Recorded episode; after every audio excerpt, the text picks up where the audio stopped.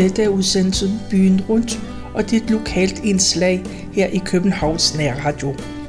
Mit navn er Tove Christensen, og jeg har været på Københavns Stadsarkivs hjemmeside, og der har jeg fundet nogle erindringer, som handler om jul. Jeg begynder med Annelise Andersen, og hun husker tilbage til omkring 1940'erne. Hun skriver, som punktum på året kom julen. Det var en begivenhed, man som barn altid glædede sig til. I skolen blev der pyntet op med de hjerter og krammerhuse, som vi havde brugt nogle timer på at producere. En girlande hang fra det ene hjørne af klasseværelset til det andet. Klassens dygtigste pige til at tegne havde fået lov til at tegne et julemotiv på tavlen med farvekridt, og i sangtimerne havde vi øvet os på julesalmer og julesange. Den sidste dag før juleferien var vi kun i skole et par timer, og så fik vi godteposer, og lærerinden læste en julehistorie for os. Foran på pultene havde vi hver en, en lærlysestage med et lille lys i. Vi havde selv lavet stagen og malet den med guldfarve. Det var skik og brug, at man tog sit kæreste dukkebarn med, men da jeg kun havde en lille en på 10 cm, havde jeg aldrig prøvet at have en sådan med. De andre mødte op med store, flotte eksemplarer, klædt i tyld og flæser. På Vandløse skole stillede hele klassen sig op ude på gangen, hvor man langt borte fra kunne høre nogen synge Lucia-sangen. Da de kom nærmere, blev lyset slukket, og endelig dukkede optoget op. Forrest gik Lucia-bruden med sit lyskrans på hovedet. Efter hende kom mange piger klædt i lange hvide gevanter og hver bærende på et tændt lys. Det var meget stemningsfuldt. Derhjemme var mor i fuld gang med forberedelserne. Der blev bagt fedtnødder, vaniljekranse og kringler til at hænge på juletræet. Kleinerne blev kogt i palmin i en gryde og lagt på fedtsugende papir til afkøling. Min søster Vibeke fik de brændte kager. Hun synes, at det var en himmerismundfuld. Konfekten blev lavet efter en opskrift af farmaceuten Svend Holm. Den bestod af kartoffelmos, mandelessens og flormelis. Det var en blanding, der meget hurtigt blev tør. Mor satte det på fadet, som blev anbragt i det aflåste skab i stuen, sammen med alle kagerne, der var lagt i kagedåser. Fine og dadler var indkøbt, for dem holdt far og mor meget af. Små pichonæbler blev pusset, til de var skinnende røde, og så kom der et bånd på, og det blev hængt på juletræet. I tiden op til jul havde vi mange gange været på juleudstilling. En lillebror eller søster kom op i barnevognen og så afsted. Der var nok at se på. På strøget var der spændt grængirlander over gaden med stjerner og røde hjerter. Men under besættelsen måtte der ikke tændes lys. Hvis turen gik ind til byen, var der hjørnetårnet på Magasinstorv med masser af nisser og sne. Og Dels Varehus havde en stor udstilling på Amagertorv. For at komme til, måtte man bore sig ind i menneskemængden, til man kom ind til vinduet og kravlede op ad en trin. Så kunne man også se alle herlighederne. Der var en masse ting, der bevægede sig, og man kunne stå der i lang tid for man blev ved med at opdage nye og spændende ting i det store nisselandskab. Og så endte jeg ved Torngrins legetøjshus lidt længere ned ad strøget. Og der var alt det legetøj, jeg ønskede mig. Det kunne ikke være rigtigt, at der fandtes så meget legetøj på ét sted. Helt op til loftet var der fyldt op med ting. Jeg stod og ønskede mig den dukke og det store dukkehus med alle møblerne, og den og det. Men inderst inde vidste jeg godt, at mine ønsker aldrig ville blive opfyldt. Men så havde jeg da et øjeblik været inde i drømmeland. Jeg kom forbi Metropolbiografen med julefilm, og over på den anden side af gaden, der lå 49 øres magasinet med alle de blinkende farvede pærer, der kørte rundt i vinduet.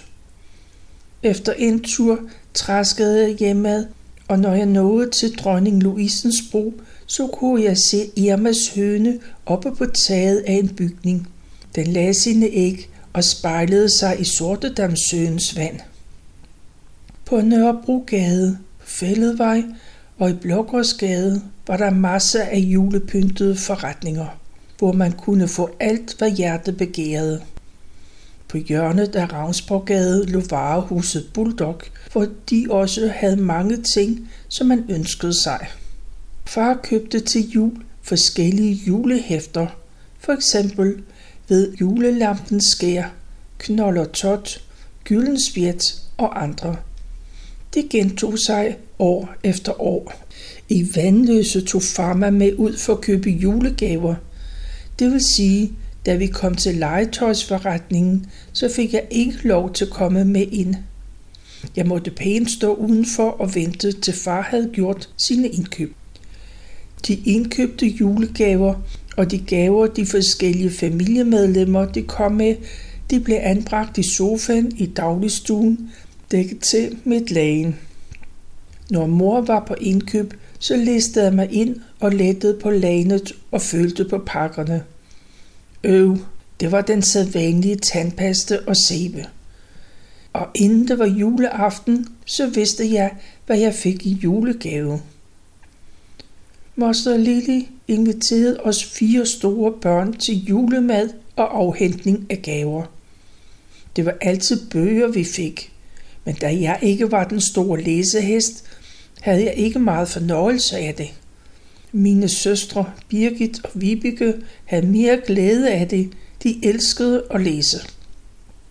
Et år var vi hos moster Lille inviteret til biografen til jul. Vi skulle ind og se Snevide og de syv små dværge. Det var en vidunderlig oplevelse. Den jul fik vi dværgene som sæbefigurer. Da moster Lille spurgte mig det år jeg fyldte 14, om hvad jeg ønskede mig i julegave, så sagde jeg, at jeg ønskede mig en lyserød strømpeholder. Og så bræste hun i latter. Hun synes, at det var det morsomste ønske, hun nogensinde havde hørt. Men hun gik derud og købte tre lyserøde, blanke strømpeholdere til os tre piger, og dem fik vi i julegave. Jeg gemte min til konfirmation, hvor jeg havde den på for første gang. Endelig nåede vi til juleaften. Da vi var mindre, skulle vi altid ind og sove til middag. Det blev ikke til så meget med den middagssøvn. Dertil var vi alt for spændt. Vi vidste, at træet stod pyntet inde i dagligstuen. Det havde far og mor sørget for. Vi fik ikke lov til at være med til det.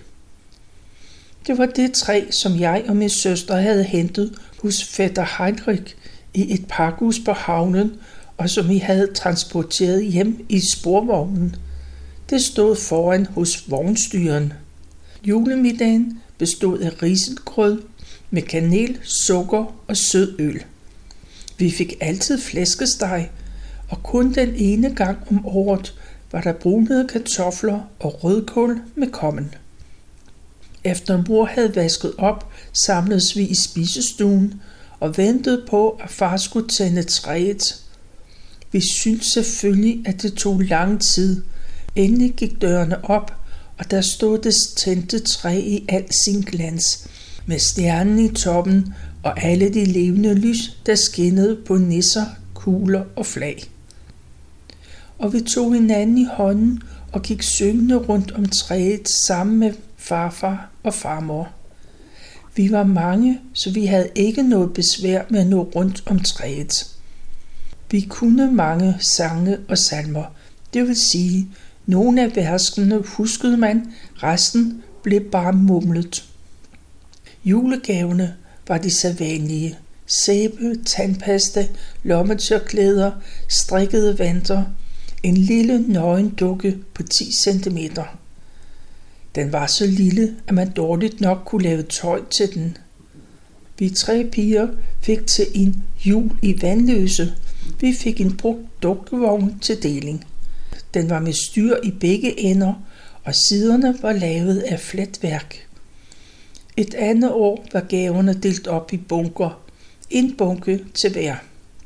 Og så fortæller søstrene Birgit og Vibeke. Første gang vi var til juletræ i Typografforbundet sammen med farmor og farfar, gav de os nye vinrøde fløjelskjoler og laksko, og Mogens fik et sæt matrostøj. Far og mor var ikke med. Vi blev kørt ud og hjem i taxa. Efter jul blev tøjet gemt væk og kun brugt til særlige lejligheder. Efter farmor var blevet alene, var vi hjemme hos hende om eftermiddagen til julehygge. Så spillede vi roulette om pebernødder og appelsiner. Hun havde et lille juletræ pyntet med hjemmelavede kurve med pebernødder i, og der hang skinnende røde pigeoner på træet. Og så gik hun ud og hentede sin kagedåse, og så fik vi saftevand i små glas, mens de voksne fik kaffe og portvin. Og Annelise fortsætter. Julen overskyggede alt andet. Der skete bare så meget omkring en, men når jeg lå i min seng efter en juleaften, så følte jeg alligevel en vis skuffelse. Jeg havde haft forventningens glæde, men det var som om, der manglede noget. Efter jul blev træet ribbet for alt pynten, og der blev smidt ned i gården til skraldemanden. Juleferien var til efter nytår. Selve nytårsaften har jeg ingen erindring om. Vi er formentlig blevet puttet i seng. Og det var, hvad Annelise og hendes søstre har skrevet om deres jul. Så skal vi høre, hvad Antonia Bremmer har skrevet. Hun er født i 1906, og hun husker tilbage på de første år i sit liv. Hun har skrevet sine erindringer og sendt dem til Københavns Stadsarkiv i 1969. Hun skriver, Jeg kan ikke lade være med at fortælle om min barndomsjul. Alt dette er jo i det hele en stor kontrast til i dag. En mand, der blev kaldt for Sillesøren, kørte med fisk om sommeren, men hen under jul havde han juletræer på sin trillebør. Og det kan nok være, at vi fik travlt med at hente far, for det var altid ham, der skulle handle. Det skulle være meget højt, og det fik vi også, og så kostede det en krone. Og vi søskende fik travlt, for alle de grene, der sad for neden, dem skulle vi bruge til at pynte med inde i stuerne. Der var jo ikke noget, der hed at købe ekstra, som det er i dag. Og vi fik pyntet over alle døre og billeder og vaser, og hvor der ellers kunne være grønne grene. Og så havde træet efterhånden fået den højde, som passede. Det måtte jo ikke være højere end døren, for det skulle efter juleaftens bæres op i den fine stue. Og for der holdt det jo længe, for der var koldt. Så fik vi travlt, der skulle jo laves julepynt. Det var mest roser, vi lavede af silkepapir. Vi rullede papiret over en strikkepind og skrubbede det sammen, så det blev ligesom rynket. Faktisk flot at se på i alle farver. Og selvfølgelig lavede vi hjerter og krammerhuse. Så havde vi flaggirlander, som gik fra år til år, og en stjerne på toppen, som vi havde hele min barndom. Når vi så nåede til selve juleaften, og travlheden var forbi, vi bagte og kogte og stegte, alt lavede vi jo selv. Så var det helligdag for os lige fra morgenstunden. Alt var forberedt i god tid, så vi havde ingen jag. Men selve dagen blev netop af den grund dobbelt så lang. Det var en frygtelig ventetid. Men stegen, det var altid flæskesteg, den kom i ovnen ved trætiden, og så var det ligesom, det gik lidt raskere. For det første skulle der jo fyres ekstra op, så ovnen hele tiden kunne være godt varmt, og så skulle der ordnes kartofler og dække bord. Og når klokken var halv seks, så kunne vi gå til bords.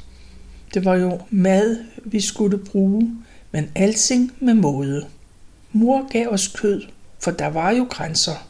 Men sovs og kartofler kunne vi tage så meget vi ville. Bagefter fik vi gerne lidt henkogt, som mor selv havde lavet. Ikke noget med risengrød eller mandelgave. Det kendte vi slet ikke. Når vi så havde spist, var der rigtig fart på. Så var det bare om at få bordet ud af bordet og vasket op i en fart. Ja, nu var det jul. Og så var det ind i stuen og få flyttet bordet hen til vinduet og op i den fine stue og hente vindtræet. Så kommer det, jeg tydeligst mindes. Der blev altid købt 12 hvide og 12 røde lys, og så fik vi travlt. Først fat i et brev knappenåle. Det var dengang uundværligt. Det blev brugt til alt. Så tændte vi et af lysene og satte det fast på bordet. Så tog vi med en saks og holdt en knappenål hen over hovedet ind i en flamme, så det blev rødglødende, og så skulle det gå stærkt. Den rødglødende ende af knappenålen trykkede man op i bunden af lyset og lod den stivne, og så var det klar til at stikke ind i en gren. Men det var noget, der tog tid. Det skulle jo helst være så nogenlunde tykke grene. Og alligevel hængte de efter alle kunstens regler og sikke en brandfare, når man tænker over det i dag. Vi gik rundt om træet og sang de dejlige salmer, men stadigvæk måtte man jo rette på lysene her og der. Når så alle salmerne var sunget, skulle vi have kaffe med hjemmebagt brød, men aldrig mere end to stykker til hver. Et blik fra mor, så var det nok. Gaver kendte vi slet ikke de første mange år, men det kom dog til senere, men kun med fornuft. Senere på aften kom så far med en lille pose godter. Det var sådan et par stykker til hver af os, og så var det slut. Træet blev så båret op i den fine stue, og så havde vi haft en vidunderlig aften. Det er ikke som i dag. Jeg har selv børnebørn, og hvor kan jeg nyde, at tiden trods alt er blevet så god. Og netop den glæde, der ligger der i, at mod jul har vi alle små indvendige hemmeligheder og masser af glæder. Bare en lille pakke, som ikke må ses, hvor er det vidunderligt. Nytårsaften var jo noget for sig. Der havde jo gerne gemt isterhinder fra slagtningen. Den var tørret og fin. Krogen var taget frem, og rumlepotten blev lavet og gennemprøvet. Vi måtte kun gå et bestemt sted hen, og det var hos to pragtfulde gamle mennesker, der nu for længst er borte. Men vi elskede dem, og når vi nytårsaften listede os derover, uden for deres vinduer begyndte med vores rumlepotte, så gik døren op, og ud kom manden og sagde, Åh, er det jer? Vi kunne ikke begribe, hvem det kunne være. Og det gentog sig år efter år. Og så kom vi ind og fik et glas saftevand og æbleskiver. Det stod lige parat og ventede på os. Men det tænkte vi slet ikke på. Vi syntes, det var meget spændende, og så gik vi hjem og i seng. Nytårsmorgen var det med at komme ud på gaden for at høre, hvad der var sket i løbet af natten. Det var ikke altid småting, og tit meget uartigt. Der var det ikke godt at være uvenner med nogen. Man skulle nok få det at vide, om ikke på anden måde, så nytårsaften.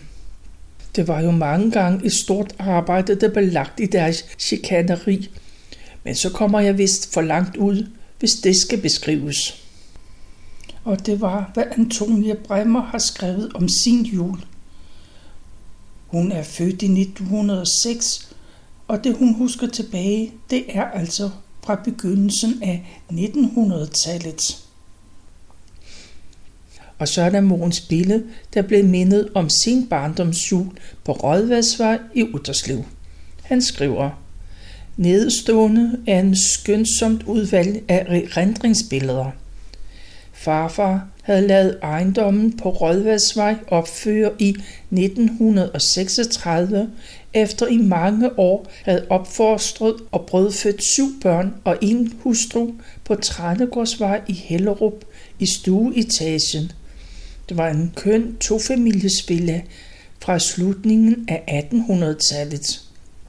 Han var brødforhandler og en dygtig forretningsmand, så det havde været et stolt øjeblik for ham, da han kunne byde familien velkommen til Utterslev i en nyopført villa med centralvarme. Det var et centralvarmeanlæg, som jo må have virket på et tidspunkt, men dog næppe efter 2. verdenskrig. Og det var til farmors store fortrydelse. Den første julefest, jeg husker, er lidt traumatisk, i det jeg blev så voldsomt forskræmt ved synet af julemanden. Det var onkel Axel. Jeg var 3-4 år, og jeg brød ud i gråd. Juletræet var anbragt i dagligstuen, og efter gigantisk julefrokost med et væld af varme og lune retter, blev det så danset om juletræet. Og så sluttede vi altid af med brug, brug, brille, og jeg gik mig over Søgerland – sange, som vel næppe kunne kaldes for deciderede julesalmer, men de var vældig populære hos familien Billy Jensen. Familien Billy Jensen bestod af farmor, farfar og deres hjemmeboende søn og onkel Axel, og den ældste søn Kristen og hans kone Karen. Kristen havde dog på forskellige tidspunkter i sit liv tre andre koner ved navn Jule, Evelyn Els og Moster. Karens børn, Mona og Leif, var fra et tidligere ægteskab. Dem havde kristen adopteret, så de var også med ved de højtidlige og festlige lejligheder. Og i alt var vi 15 voksne, og så var der mig og min søster og ni fædre og kusiner. Når vi børn ved julefrokosten var blevet affodret med frikadeller røde pølser samt gule, røde og grønne sodavand. Så blev vi lukket ind i dagligstuen, hvor de fire store kusiner indøvede cirkusnummer med de mindste fædre og kusiner. Når forestillingen menes færdig instrueret, blev der solgt billetter til onklerne, som sad i ufatteligt tyk cigarer i spisestuen – Enkelte af dem var i gang med et slag kanasta med farfar. Flere af dem, specielt kortspillerne, de lagde et ret stort beløb for at blive fri for at se forestillingen. Som regel blev forestillingen gennemført med i hvert fald tanterne, fasterne, mosterne samt min farmor som begejstrede tilskuere. Indimellem, når vi kede os, stod vi og bankede i klaveret, som formentlig var nordvestområdets mest ustemte. Det var efter de mange år med frostgrader i dagligstuen. Farmor sagde altid, at onkel Jørgen skulle arve det, når hun var død. Han så nu ikke særlig lykkelig ud ved tanken. De voksne kunne også slippe for se cirkus ved i stedet for at komme i spøgelsestoget oppe i farmor og farfars soveværelse. Onklerne fik bind for øjnene og blev ført rundt i soveværelset. Og de blev udsat for de værste prøvelser, som for eksempel at få kastet et tæppe over hovedet, eller at blive begrænset på benene af et uhyre, der var anbragt under dobbeltseng. Højdepunktet på disse redselsbegivenheder indtraf, når de intet anende passerede det gamle hvide kalekammerskab – hvis dobbeltdøre pludselig blev smækket op af en Laurits Jensens børnebørn. Derinde fra bullermørket blandt mine farmors laksefarvede underkjoler, strømper af samme mørkebrune kulør som hendes sovs, samt min farfars sorte jakkesæk, der kun blev brugt til pænt brug, udstødte et uhyggeligt skrig eventuelt efterfulgt af et bøg. Onklerne måtte selvfølgelig ligeledes lægge penge for denne gyseroplevelse. Og hvis den aktuelle begivenhed var pinsefrokosten, så var der udendørs aktiviteter, for eksempel over på marken, det vil sige Brøndshøj Boldklubs fodboldsbaner på Rådvadsvej. Der legede vi to mænd frem for en enke, og der blev også arrangeret kapløb over på fortorvet, hvor børnebørnene to og to på skift løb om kap med start oppe fra Ravneholmsvej og med mål ud for farmer og farmfars hus. Det sidste var der ikke så meget ved, for Inge vandt hver gang. Præmien var en daler, som min farfar havde udsat. Og det var, hvad Mogens Bille har skrevet om sin jul. Til slut har Charles Andersson også skrevet lidt om sine erindringer. Han skriver, Julen var for os børn en stor oplevelse, så skulle vi til juletræ på Gimle, der lå på Hovedsvej. Far var medlem af en forening, og de havde juletræ og bal hvert år på Gimle. Mor og pigerne kørte en drosje, men far og drengene måtte gå. Børnene fik chokolade og juleboller og en stor pose godter. Jo, det var herligt. Vi morede os dejligt og kom trætte, men glade hjem. Nytårsaften var der fest i gaden. Urtekrammeren havde åbent til klokken 11.30 om aftenen. Og der var så meget skyderi, og der blev lavet mange gavtyvestreger. Motterne ved døren blev hugget, og der kunne også ske, at tønderne fra lokummerne blev hugget og sat ud ved trapperne. Det var, hvad Charles Anderson husker. Og det var alt sammen fundet på Københavns Stadsarkivs hjemmeside.